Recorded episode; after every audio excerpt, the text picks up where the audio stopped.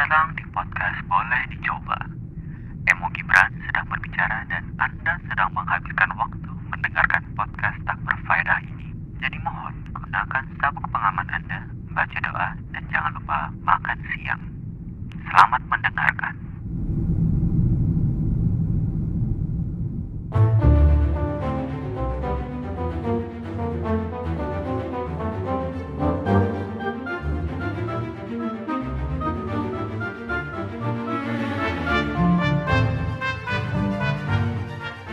Selamat tanggal 17 April 2019 dan sekarang saatnya kita untuk pilih presiden yang akan menjabat lima tahun kemudian. Dan ini tuh seru banget karena eh, 2014 yang lalu gue udah pernah ikutan dan menurut gue nuansanya agak lebih beda dibandingkan yang 2014 yang kemarin ya sekarang itu. Entah karena waktu ada apa DKI itu agak jadi lebih panas dan topiknya jadi kayak politik identitasnya jadi semakin kuat gitu ya tapi eh, banyak banget hal-hal yang menarik nih di Pilpres 2019 atau pemilihan umum di tahun 2019 ini. Jadi ini adalah pertama kalinya eh, Pileg dan Pilpres diadakan dalam waktu yang bersamaan. Sebenarnya kan kalau dulu kan Pileg dulu. Nah, nanti dari Pileg itu kita bisa tahu eh parliamentary thresholdnya itu berapa. Jadi nanti setiap partai itu akan bergabung yang disebut dengan koalisi untuk mengajukan satu pemi- satu pemimpin gitu. Nah, tapi kalau ini tuh karena dibarengin, jadi gua nggak tahu nih sistemnya tuh kayak gimana. Apakah gimana kalau misalnya dari salah satu calon tersebut ternyata tidak memenuhi eh, parliamentary, parliamentary threshold gitu? Apakah itu menjadi eh, presiden yang sah ketika sudah dipilih atau bagaimana? Gue nggak tahu tuh. Gue kan ya nggak nggak gitu paham sama politik juga ya. Gue cuman kayak baca doang gitu. Itu menarik sih. Terus udah kayak gitu. eh, Jokowi dan Prabowo akhirnya ketemu lagi waktu tahun 2014 tuh mereka ketemu waktu itu Jokowi sama JK yang sekarang jadi presiden dan wakil presiden dan waktu 2014 tuh Prabowo tuh sama eh, Hatta kalau nggak salah itu waktu itu gue lagi di kampus ya waktu kuliah ya masih kuliah gue jadi kayak banyak referensi dan banyak sekali alasan untuk tidak memilih beliau gitu. Cuman 2019 ini kondisinya udah kayak sama gitu ya. Karena eh, Prabowo approach-nya udah mirip kayak Jokowi gitu ya ke, ke rakyat gitu ke bawah ke grassroots. Jadi menurut gue itu ya menurut gue jadi, jadi kayak kalau misalnya gue salah ya iyalah namanya juga gue sotoy. Jadi em, menurut gue sih approach-nya mereka tuh sama lah gitu kan gak ada bedanya. Palingan eh, narasi yang dipakai itu selalu kalau untuk nyerang Prabowo adalah eh, masalah hamnya. Masalah ham terus abis itu omongan dia yang bilang dia adalah produk asing emosinya itu adalah apa eh, hal-hal yang selalu dibawa untuk menyerang si Prabowo. Sementara hal-hal yang digunakan untuk menyerang Jokowi adalah tidak menepati janjinya selama 2000 eh, selama menjabat. Terus juga banyak eh, kesannya tuh mereka kalau dari kubu oposisi selalu bilang eh, banyak kebijakan yang tidak pro rakyat. Terus abis itu eh bahkan tidak pro dengan salah satu agama tertentu. Katanya gitu ya gue mah siapa ya bisa ngejudge agama iman seseorang ahlak ya gitulah gue ya gue mah gue kalau untuk urusan agama gue tidak memikirkan ya karena itu urusan masing-masing. Cuman kayak eh narasi itu selalu dipergunakan berulang-ulang jadi gue kayak ya udahlah. Gitu gue sampai sekarang sampai hari ini nanti jam 6 kan seharusnya nyoblos nih cuman gue masih belum tahu nih harus nyoblos siapa. Terus abis itu eh karena gue belum tahu ada yang nyoblos siapa harus nyoblos siapa. Jadi gue kayak banyak banget teman-teman gue yang seumuran sama gue di lingkungan gue ya yang nggak seumuran gue banget lah ya kayak range-nya dari gue ke bawah dikit sampai nggak jauh itu banyak banget yang memilih untuk golput. Padahal eh, menurut gue sangat amat disayangkan gitu ya golput itu gue selalu gue gue memiliki dua pemahaman dua arti gitu ya sekali lagi kalau misalnya gue salah ya namanya juga gue soto. Ini kan gue namanya juga nama podcastnya aja boleh dicoba. Jadi kayak gue nyoba-nyoba.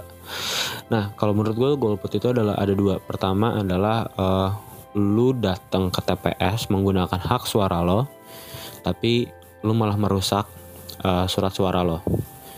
Jadi uh, surat suara lo itu tidak layak gitu lah ya. Yang kedua adalah lu hmm, nggak datang sama sekali gitu. Nah kalau misalnya lu adalah tipe yang kedua itu sangat amat disayangkan gitu ya. Karena hak suara lo itu bisa dipakai sama orang lain gitu.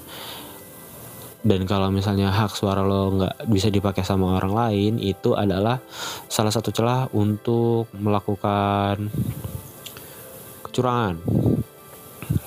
Kayak gitu jadi kalau bisa sih lo datang aja walaupun misal walaupun lo nggak tahu lo milih siapa setidaknya lo menggunakan hak suara lo kayak gitu. Dan yang harus diingat adalah di pilpres 2019 ini tuh uh, semakin terpolarisasi menurut gue ya. Kayak karena gue melihat ini dari uh, sosial media gitu dan dari keluarga gue juga yang uh, mungkin enggak tidak memisahkan antara paslon satu dengan paslon dua gitu ya. Tidak memisahkan diri gitu. Kalau misalnya ada keluarga yang suka sama paslon lainnya oke. Okay. cuman kayak ya ngomong-ngomong sedikit di belakang lah gitu. Tapi justru menurut gue dari apa yang gue pernah baca dan apa yang pernah gue dengar seharusnya yang kita kejar itu bukanlah si tokohnya gitu. Tapi yang kita kejar seharusnya adalah ideologinya karena apa yang dari gue baca juga orang tuh kan bisa berubah-berubah ya. Apalagi kayak kayak lu pacaran aja bisa dari suka jadi nggak suka gitu. Jadi kayak bisa berubah 180 derajat. Jadi tentu kalau misalnya lu mengejar kalau lu ngejar uh, orangnya kemungkinan untuk lu dikecewakan tuh sangat amat besar. Makanya yang harusnya lu alasan lu memilih calon itu adalah karena ideologinya sama kayak lu atau enggak. Jadi ketika misalnya si uh, wakil lo yang lo pilih itu tidak sesuai dengan ideologi yang dia janjikan, nah lo bisa menagih itu kayak gitu seharusnya.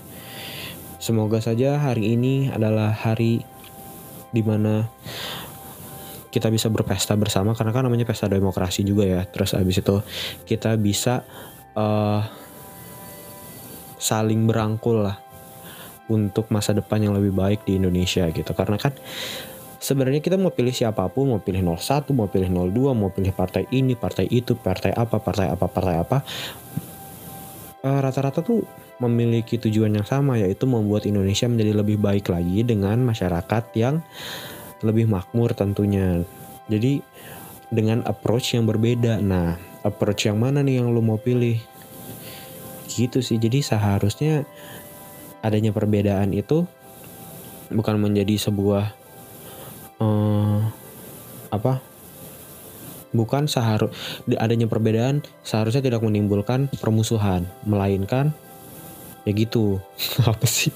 Ya pokoknya intinya dua-duanya sama ingin membuat Indonesia menjadi lebih baik hanya approach yang beda. Jadi itu bukanlah alasan di mana kita seharusnya berantem dan seharusnya memisahkan diri gitu ya kayak bukan seharusnya itu bukan jadi alasan kita untuk memutuskan tali silaturahmi gitu. Karena tanggal 18 nanti kita bakal ketemu lagi gajian di tanggal yang sama dan hidup seperti sedia kala gitu. Jadi gitu dulu episode, episode dari podcast boleh dicoba ini kalau misalnya lu suka lu bisa share ke teman-teman lo lu like juga ya sebenarnya podcast ini tuh ada di Spotify ada di Apple Podcast ada di beberapa uh, platform podcast yang gue nggak yakin di Indonesia pernah didengarin atau enggak gitu ya cuman di Apple Podcast ada, di Spotify ada, di Anchor juga ada. Jadi kayak lo bisa ngedengerin ini di mana aja kayak gitu. Sekali lagi gue terima kasih telah meluangkan waktu dan selamat berpesta demokrasi. Kasih telah meminjamkan kopi Anda. Jika Anda menikmati suara dan cerita saya, Mohon jangan lupa untuk like dan share podcast ini kepada yang tercinta. Terima kasih.